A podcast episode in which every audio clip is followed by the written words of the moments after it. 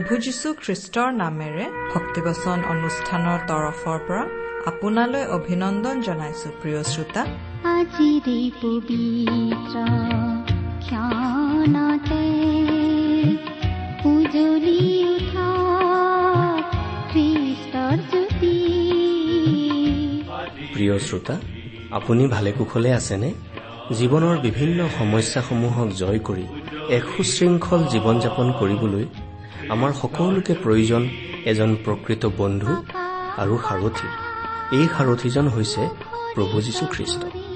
তেওঁ মানুহক মুক্তি আৰু প্ৰচুৰ জীৱন দিবলৈ ক্ৰুচত বলি হবলৈকো কুণ্ঠাবোধ নকৰিলে। সেয়েহে তেওঁহে আপোনাৰ মোৰ জীৱনক সঠিক পথেৰে আগবাঢ়ি যাওঁতে সহায় কৰিব পাৰে। তেওঁত আশ্ৰয় লৈ আমাৰ জীৱনে প্ৰকৃততে সঠিক জীৱনৰ বাট বিচাৰি পায়। গতিকে তেওঁৰ বিষয়ে আৰু অধিককৈ জানিবলৈ পবিত্ৰ বাইবেলৰ এই শিক্ষামূলক অনুষ্ঠান ভক্তিবচন মনোযোগেৰে শুনক জীৱন যদি বিফলতাই দুখৰ যদি পাৰ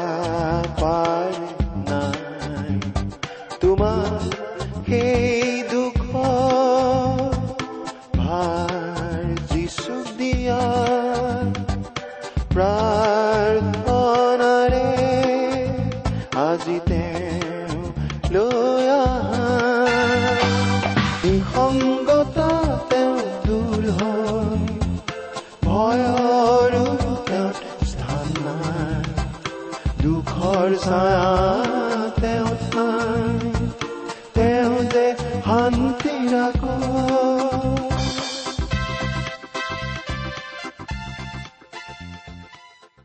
আমাৰ পৰম পবিত্ৰ প্ৰভু যীশুখ্ৰীষ্টৰ নামত নমস্কাৰ প্ৰিয় শ্ৰোতা।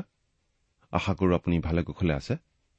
প্ৰিয় শ্ৰোতা আমি সদায় কৰি অহাৰ দৰে আজিও আপোনাক অনুৰোধ কৰিব খুজিছো। এই অনুষ্ঠান শুনি আপুনি কেনে পাইছে অনুগ্ৰহ কৰি চিঠি লিখি আমালৈ জনাবচোন। আহক প্ৰাৰ্থনাৰে আজিৰ বাইবেল আলোচনালৈ আগবাঢ়ো হওক। আমি প্ৰাৰ্থনা কৰো সৰগ নিবাসী হে সৰ্বশক্তিমান পিতা ঈশ্বৰ আজিৰ এই দিনটোৰ বাবে আপোনাৰ নামৰ ধন্যবাদ কৰিছো। আপোনাৰ নামৰ ধন্যবাদ আপোনাৰ পবিত্ৰ জীৱনদায়ক জীৱন্ত কাৰ্যসাধক দুয়োফালে ধাৰ থকা তৰলতকৈ চোকা প্ৰাণ আৰু আত্মা গাঁঠি আৰু মজ্জালৈকে ভেদ কৰি বিন্ধোতা আৰু মনৰ ভাৱনা আৰু অভিপ্ৰায়কো চিনোতা আপোনাৰ বচনৰ বাবে। আপোনাত বিশ্বাস নকৰি কোনেও যেন পতিত নহয় সেয়ে আপোনাৰ বচনৰ প্ৰচাৰৰ যোগেদি আমাৰ অনেক শ্ৰোতাক আপোনাৰ সন্তান হবলৈ আপুনি সহায় আশীৰ্বাদ কৰক। পৰিত্ৰাতা প্ৰভু যীশুৰ নামত এই প্ৰাৰ্থনা অৰ্পণ কৰিছো। আমেন।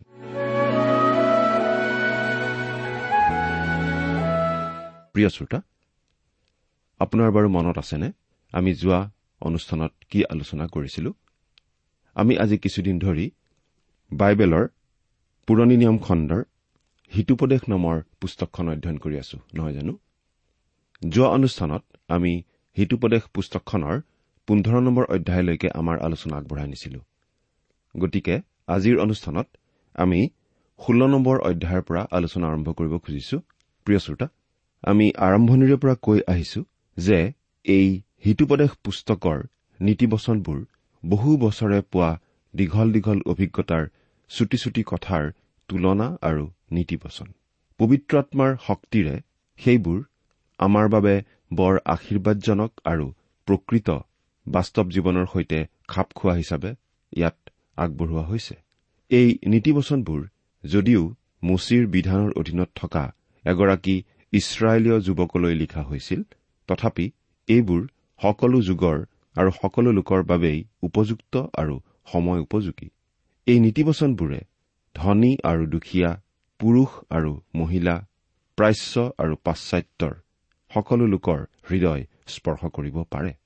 চলোমনৰ সময়ত এই নীতিবচনবোৰ যিমান অৰ্থপূৰ্ণ আছিল আজিও সিমানেই অৰ্থপূৰ্ণ। এতিয়া আমি বাইবেলৰ পৰা পাঠ কৰি দিম। আপোনাৰ লগত যদি বাইবেল আছে অনুগ্ৰহ কৰি চাই যাব। যদিহে লগত বাইবেল নাই অনুগ্ৰহ কৰি মন দি শুনিব। আমি প্ৰথম পদটো পাঠ কৰি দিম। হিতুপদেশ ষোল্ল নম্বৰ অধ্যায়ৰ প্ৰথম পদ পঢ়িছো। মনৰ কল্পনা মানুহৰ কিন্তু জীৱাৰ উত্তৰ জিহুৱাৰ পৰা হয়। ইয়াৰ মানে হৈছে যে মানুহৰ নিজৰ অন্তৰৰ উদ্দেশ্যসমূহ মানুহৰ নিজৰেই। কিন্তু সেই মানুহে তেওঁৰ জীৱাৰে যি উত্তৰ দিব লাগে সি ঈশ্বৰ জিহুৱাৰ পৰাহে আহিব লাগে। আমাৰ মাজত বৰ্তমান এই অৰ্থৰ নীতিবচন এনেদৰে কোৱা হয় মানুহে পাঙে ঈশ্বৰে ভাঙে। ঈশ্বৰৰ বচনে এইদৰে কৈছে মানুহৰ গতি নিজ অধিকাৰত নাথাকে। এই কথা আমি পাওঁ জিৰিমীয়া ভাৱবাদীৰ পুস্তকৰ দহ নম্বৰ অধ্যায়ৰ তেইছ নম্বৰ পদত। আপুনি পৰিকল্পনা কৰিব পাৰে কিন্তু সেই পৰিকল্পনাৰ ক্ষেত্ৰত শেষ কি কথা ক'ব লাগে তাক ঈশ্বৰেহে জানে। আমি যি কৰো তাকে লৈ গৌৰৱ কৰিব পাৰো কিন্তু তাৰ শেষ উত্তৰটো ঈশ্বৰেহে দিব পাৰে কাৰণ সকলো ঈশ্বৰৰ হাতত আছে সকলো তেওঁৰ নিয়ন্ত্ৰণত আছে। দুই নম্বৰ পদ মানুহৰ সকলো পথ নিজৰ দৃষ্টিত শুদ্ধ কিন্তু জিহুৱাই আত্মাবোৰ পৰীক্ষা কৰে। এই কথাষাৰ আমি এই হিতুপদেশৰ চৈধ্য নম্বৰ অধ্যায়ৰ দুই নম্বৰ পদতো পাই আহিছো নহয় জানো? কথাটো কিমান সঁচা? যে মানুহ আজি যেনেকৈ আছে তেওঁলোকৰ দৃষ্টিত ঠিকেই আছে। আপুনি ঈশ্বৰক নজনা প্ৰভু যীশুখ্ৰীষ্টক পৰিত্ৰতা প্ৰভুৰূপে নজনা মানুহৰ আগত খ্ৰীষ্টৰ শুভবাৰ্তা যদি কেতিয়াবা দিছে তেতিয়াহ'লে আপুনি জানেই তেওঁলোকে কেনেকুৱা ধৰণৰ উত্তৰবিলাক দিয়ে। তেওঁলোকে কয় মইনো কিহৰ পৰিত্ৰাণটো পাব লাগে?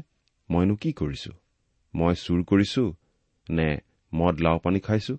মই ব্যভিচাৰত লিপ্ত হৈছো নে কাৰোবাক হিংসা কৰিছো? ঈশ্বৰৰ সোধ পোছৰ আসনৰ আগত থিয় হবলৈ মই প্ৰস্তুত আছো কাৰণ মই জানো যে মই নিজে ঠিকেই আছো। এইদৰে মানুহে সদায়েই ভাবে যে তেওঁলোক ঠিকেই আছে।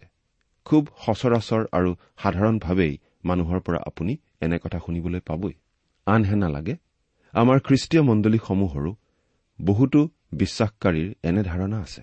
কিন্তু ঈশ্বৰৰ পবিত্ৰ বচন বাইবেলে প্ৰথম জোখন এক অধ্যায় সাত নম্বৰ পদত এনেদৰে কৈছে কিন্তু তেওঁ যেনেকৈ পোহৰত আছে তেনেকৈ আমি যদি পোহৰতে ফুৰো তেন্তে পৰস্পৰ আমাৰ সহভাগিতা আছে আৰু তেওঁৰ পুত্ৰ যীশুৰ তেজে সকলো পাপৰ পৰা আমাক সূচী কৰে। ঈশ্বৰৰ এই বচন আৰ্চিৰ দৰে আইনাৰ দৰে আমি আমাৰ জীৱনৰ আগত দাঙি ধৰিব লাগে।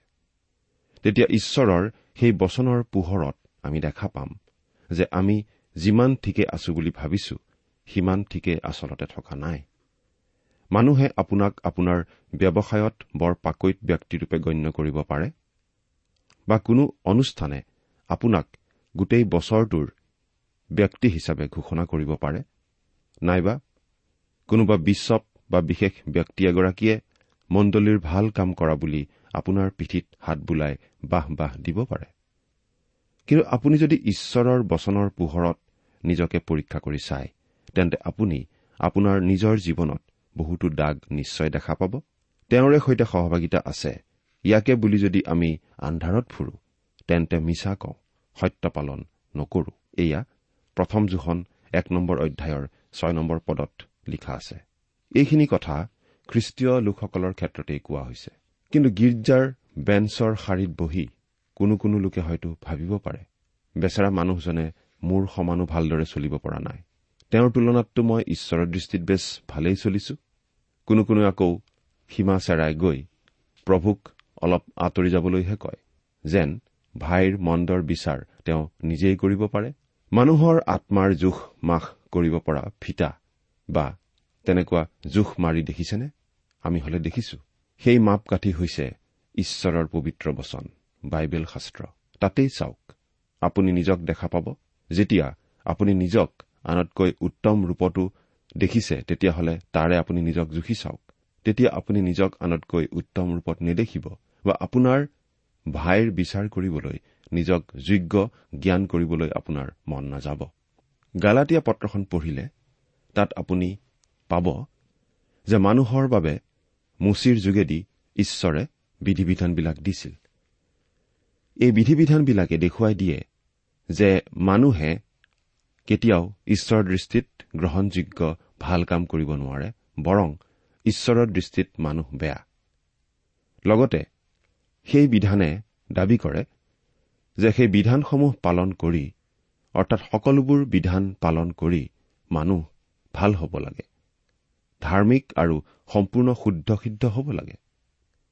কিন্তু মানুহে জীৱনত কৰিবলৈ একেবাৰে নোৱাৰা কামটো কি জানেনে? জানেনে প্ৰিয় শ্ৰোতা?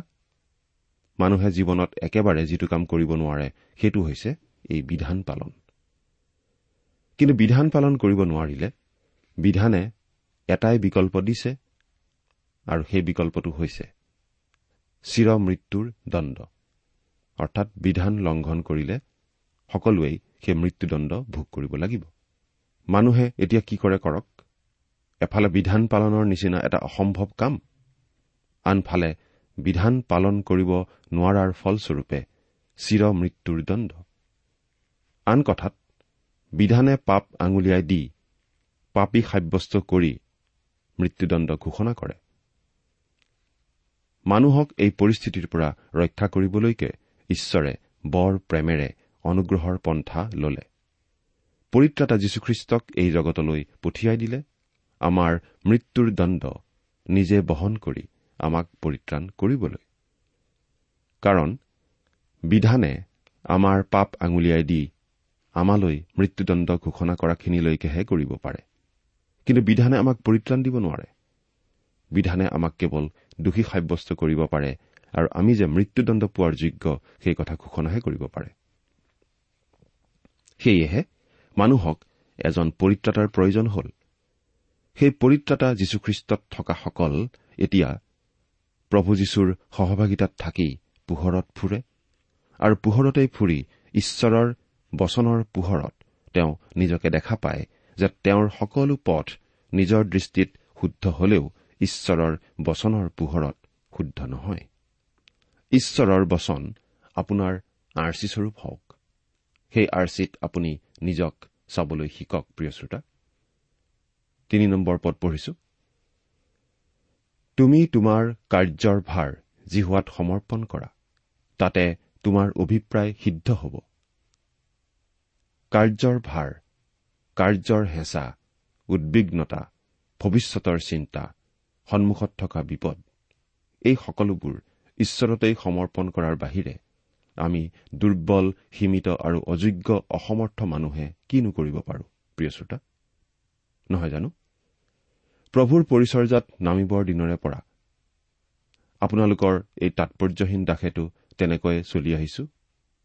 আপুনিও বাৰু তেনেকৈ চলি আছেনে প্ৰিয় শ্ৰোতা? চাৰি নম্বৰ পদ জিহুৱাই নিজ অভিপ্ৰায়ৰ নিমিত্তে সকলোকে সৃষ্টি কৰিলে।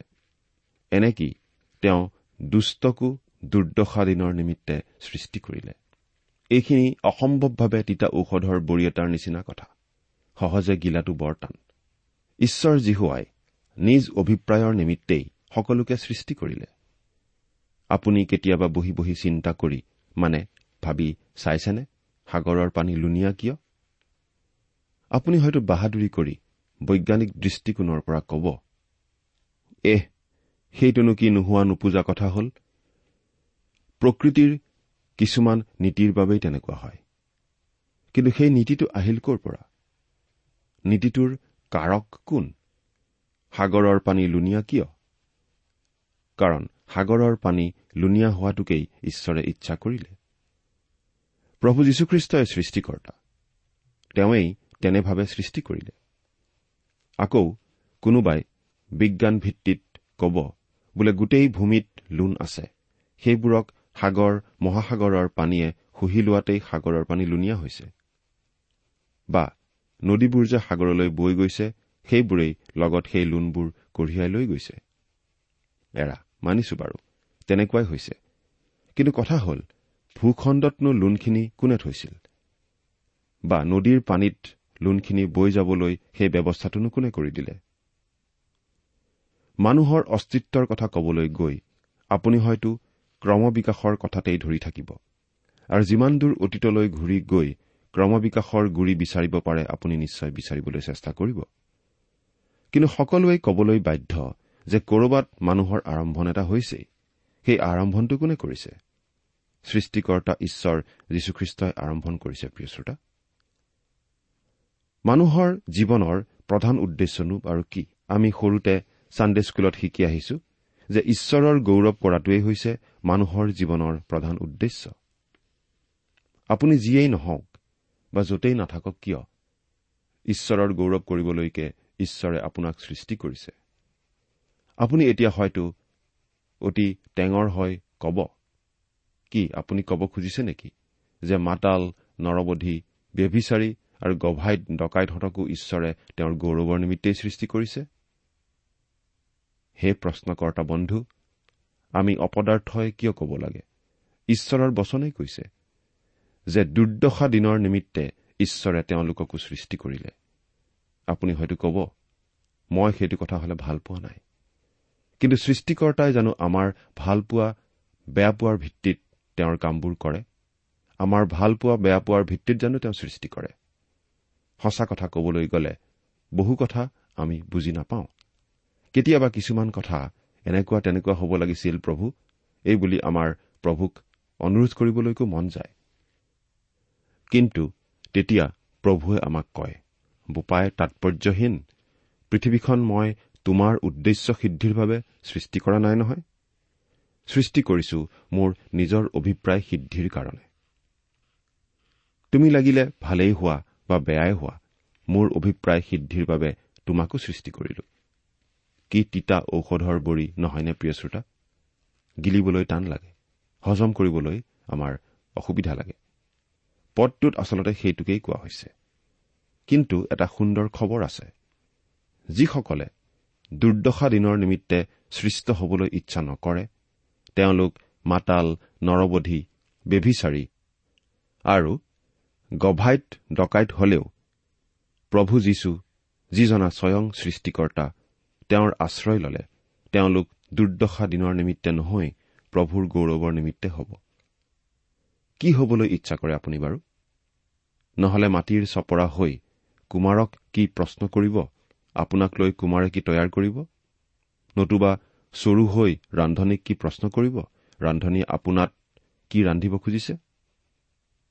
সাত নম্বৰ পদ।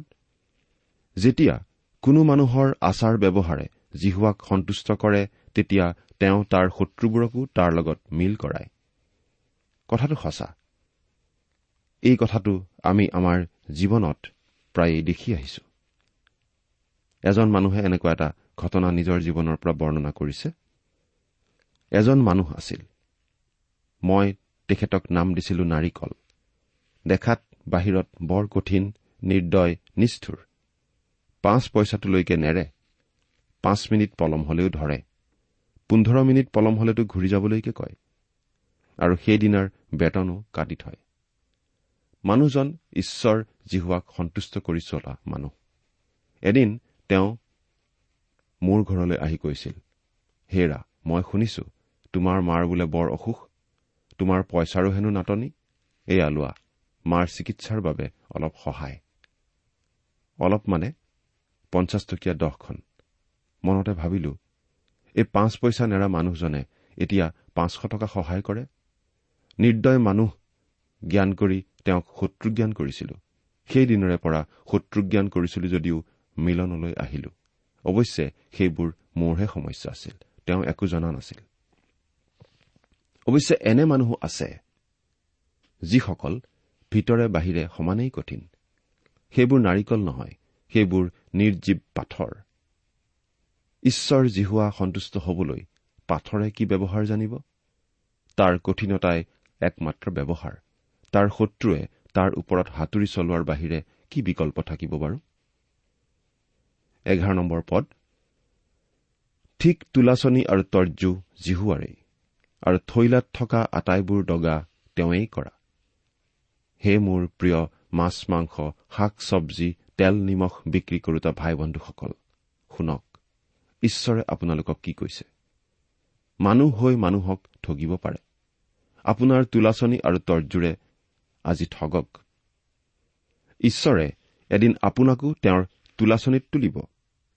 ওজনত কম পালে ইমানবিলাক মানুহৰ আগতেই ঈশ্বৰৰ কাণতলীয়া চৰ খাব নহলেও অন্ততঃ কাণ চেপা খাব। এতিয়া ওজনত কম কমকৈ দি তেতিয়াৰ দিনৰ কাৰণে নিজৰ ওজন কমাই নলব। শিয়াল টেঙৰালি বাদ দিয়ক। এই পদটো গৰু বেপাৰী আৰু ধপাত বেপাৰীসকলৰ কাৰণেও দিয়া হৈছে। মুঠতে যিকোনো ধৰণৰ বেপাৰীৰ বাবেই এই কথাটো মনত ৰখা উচিত। ওঠৰ নম্বৰ পদ বিনাশৰ আগেয়ে অহংকাৰ আৰু পতনৰ পূৰ্বে মনৰ গৰ্ব হয়। অহংকাৰ কৰিলেও গৰ্বত এপাচি এপাচিকৈ গাল দুটা ফুলি থাকিলেও আমি আটাইয়েই মাটিৰ পাত্ৰহে আৰু। আমাৰ অহংকাৰ আৰু গৰ্বত বিৰক্তি পাই প্ৰভুৱে তেওঁৰ হাতৰ পৰা পকাৰ মজিয়াত পৰিবলৈ এৰি দিলেই আমাৰ সকলো খেলা খতম। নাপায়। অহংকাৰ গৰ্ব কৰি আমি প্ৰভুক বিৰক্তি দিব নাপায়। পদ। অহংকাৰীবোৰে সৈতে লুটদ্ৰব্য ভাগ কৰি লোৱাতকৈ দৰিদ্ৰবিলাকে সৈতে নম্ৰ হোৱা ভাল।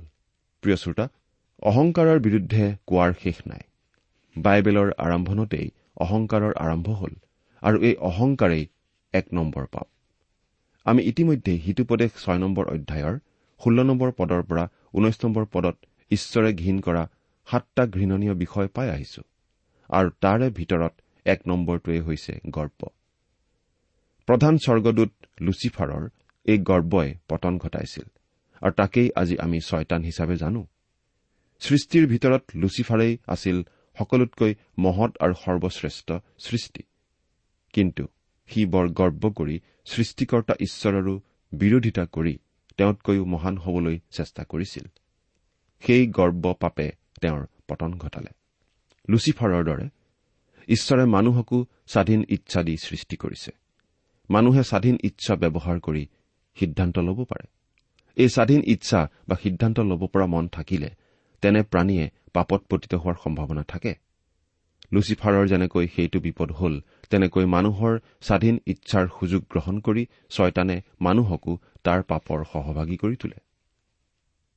বাইবেলে এনে বহু চৰিত্ৰৰ কথা কৈছে যিসকলে স্ব ইচ্ছাই গৰ্ব কৰি পাপত পতিত হৈছিল। গলিয়াঠ বীৰ হামন আহব ইত্যাদি ইত্যাদি। এতিয়া খ্ৰীষ্টীয় লোকৰূপে আমাৰো সেই স্বাধীনতা আছে। সেই স্বাধীন ইচ্ছা আছে। খ্ৰীষ্টৰ সৈতে ওতঃপ্ৰোত সম্বন্ধ নাৰাখিলে সেই পাপত পতিত হোৱাৰ ভয় আমাৰো প্ৰতি খোজতেই আছে। চৌবিশ নম্বৰ পদ। সন্তোষজনক কথা মৌৰ কোঁহস্বৰূপ। সেয়ে প্ৰাণত মিঠা লগায় আৰু হাড়বোৰ আৰোগ্য কৰে। সন্তোষজনক কথা আমি আটাইয়ে শুনিবলৈ ভাল পাওঁ নহয়নে বাৰু? খবৰ কাগজবোৰ পঢ়ো আৰু সেইবোৰত প্ৰায়বিলাক বেয়া খবৰেই থাকে। এইটো ইমান বেয়া কথা যে মানুহে বাইবেল নপঢ়ে। বাইবেলখন কিন্তু সন্তোষজনক কথাৰে ভৰা। সেইকাৰণেই বাইবেলৰ খবৰক শুভবাৰ্তা বোলা হয়। আমাৰ মাজত সন্তোষজনক কথাবোৰ মৰণোত্তৰ ৰূপেহে হাতত ফুল লৈ কোৱা হয়। মৰণোত্তৰ ৰূপে সন্তোষজনক কথা শত্ৰুৱেও কৈ ভাল পায়। বৰ আচৰিত কথা। সঁচাকৈয়ে কয় নে মিছাকৈয়ে কয় তাক কেৱল কওঁতা আৰু ঈশ্বৰেহে জানে। কিন্তু মৃত্যুৰ পাছত কলে যিজনৰ ক্ষেত্ৰত কোৱা হয় তেওঁৰতো একো লাভ নহয়। পঁচিছ নম্বৰ পদ। কোনো কোনো পথ মানুহৰ দৃষ্টিত সৰল বোধ হয় কিন্তু শেষত সেয়ে মৃত্যুৰ পথ। এই ফাঁকি কথা আমি ইতিমধ্যে চৌবিশ নম্বৰ অধ্যায়ৰ বাৰ নম্বৰ পদত পাই আহিছো। তেন্তে আকৌ কিয় দোহৰা হৈছে? দোহৰা হৈছে যাতে এই প্ৰয়োজনীয় পৰামৰ্শটো আমি পাহৰি নাযাওঁ। দোহৰা যে হৈছে সেইটোৱে প্ৰমাণ কৰিছে যে কথাষাৰ বৰ প্ৰয়োজনীয় কথা। সাতাইছ নম্বৰ পদ। নৰাধমে খানি খানি অনিষ্টৰ উপায় উলিয়াই আৰু তাৰ ওঠত যেন জ্বলন্ত অঙঠাহে থাকে। মানুহৰ পৰা পৰৰ বিৰুদ্ধে কথা উলিয়াই সেই কথাতে অধিক ৰহন সানি আৰু আন কাৰোবাৰ আগত কোৱা মানুহবোৰৰ গাতেই এইষাৰ কথা খাটে। হেৰি শুনিছেনে? এই বুলিয়েই এনেলোকে কথাবোৰ আৰম্ভ কৰে। কথাবোৰ কিমান সঁচা কিমান মিছা সেইবোৰ লৈ তেওঁলোকে ভ্ৰক্ষেপ নকৰে। ৰস লগাই লগাই কৈ যাব এওঁলোক ঈশ্বৰ ভক্ত লোক নে আমি নাজানো। হয়নে নহয় তাৰ বিচাৰ আমি কৰিব নোখোজো? কিন্তু এটা কথা ক'ব পাৰো যে এনেলোকৰ দ্বাৰা সমাজৰ সমস্যা নকমে বাঢ়ে। কাৰণ এওঁলোকে নতুন নতুনকৈ জুই জ্বলাই বৰ ভাল পায়। এই ক্ষেত্ৰত আমি সাৱধান হোৱা উচিত। আঠাইছ নম্বৰ পদ। কুটিল লোকে চাৰিওফালে কণ্ডল ৰূপ গুটি সিঁচে। পৰচৰ্চাকাৰীয়ে প্ৰণয়ৰ বন্ধুৰ বিচ্ছেদ জন্মায়। আমি আগতেও কৈ আহিছো যে ফুচফুচাই কোৱা যিকোনো কথাকে মানুহে শুনিবলৈ বৰ আগ্ৰহ কৰে। ফুচফুচাই কথা কৈ ফুৰি ৰং পোৱা মানুহ আমাৰ মাজত নাইনে বাৰু? এনে মানুহে বন্ধুক বন্ধুৰ পৰা ফালি লৈ যাব পাৰে। বন্ধু বন্ধুৰ মাজত ভুল বুজাবুজি আৰু কণ্ডলৰ সৃষ্টি কৰি দিব পাৰে। কিন্তু আমি তেনেকুৱা লোক হোৱা উচিত নহয়। একত্ৰিশ নম্বৰ পদ। ধাৰ্মিকতাৰো পথত পোৱা পকা কেশ শোভাৰ কীৰ্তিস্বৰূপ। অৰ্থাৎ ধাৰ্মিকতাৰ পথত চলি চলি যিসকলৰ বয়স পাৰ হৈ গৈছে যিসকল পকামূৰীয়া হৈ পৰিছে তেওঁলোক আচলতে আমাৰ বাবে অতি মূল্যৱান আৰু তেওঁলোকক আমি আদৰ কৰি তেওঁলোকৰ উপদেশ শুনিবলৈ উপদেশ মানিবলৈ চেষ্টা কৰা উচিত। তেত্ৰিশ নম্বৰ পদটো পঢ়িছো। চিঠিখেলৰ গুটি কোচত পৰে হয় কিন্তু তাৰ সকলো নিষ্পত্তি জিহুৱাৰ পৰা হয়। এই পদটোৰ কথাখিনি আকৌ হামনৰ ঘটনাৰ সৈতে খাপ খায়। হামনে ঈশ্বৰৰ লোকক ধ্বংস কৰিবলৈ ঈশ্বৰে সৈতে খেলা খেলিছিল কিন্তু পিছত লোকলৈ বুলি হুলপুটি নিজেই ফুটি মৰিছিল। প্ৰিয় শ্ৰোতা ঈশ্বৰে সৈতে খেলা কৰাৰ দুঃসাহস আমি যাতে কোনেও নকৰো। আমি সকলোৱেই ঈশ্বৰক ভয় ভক্তি কৰি চলিবলৈ যেন শিকো। ঈশ্বৰে আমাক আশীৰ্বাদ কৰক।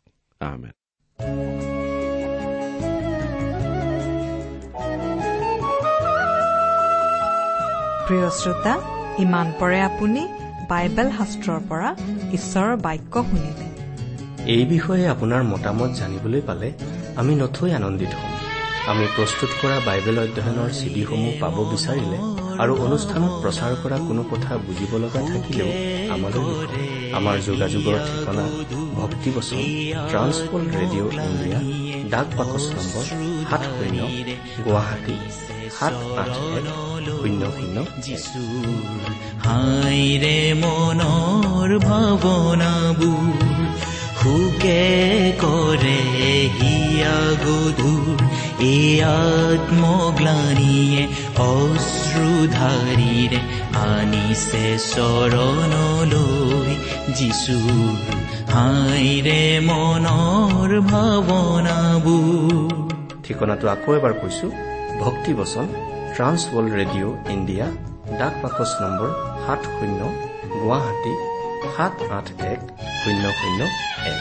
আমাৰ ইমেইল এড্ৰেছটো হৈছে Assamese T TV at the rate radio' eight eight two dot com. ভাৱৰ দাৱৰ খেলা প্ৰাণৰ চুপনি ভৰসাৰ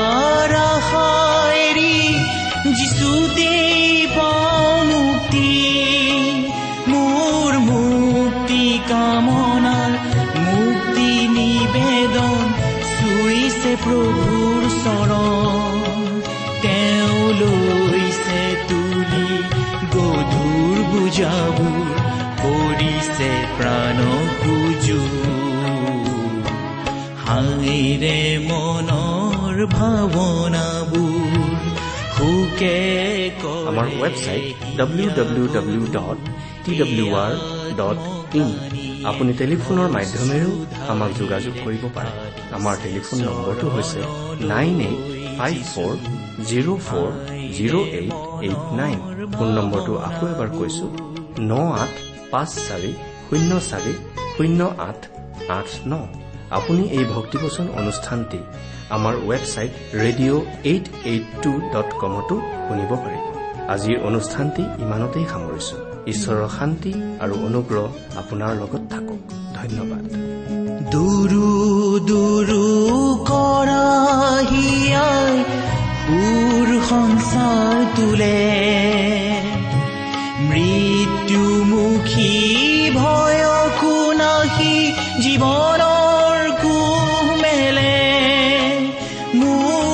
পাপৰ ভাৰত প্ৰাণৰ চিন্তাই যেতিয়া হয় গধুৰ এই জীৱন মোৰো যিচুৰ কৃপাই ক্লান্তি কৰিছে দূৰ হাইৰে মনৰ ভাৱনাবোৰ সুকে কৰে হিয়া গধুৰ এ আত্মগ্লানিয়ে অশ্ৰুধাৰীৰে আনিছে চৰণলৈ যিচু হাইৰে মনৰ ভাৱনাবোৰ হাইৰে মনৰ ভাৱনাবোৰ হাইৰে মনৰ ভাৱনাবোৰ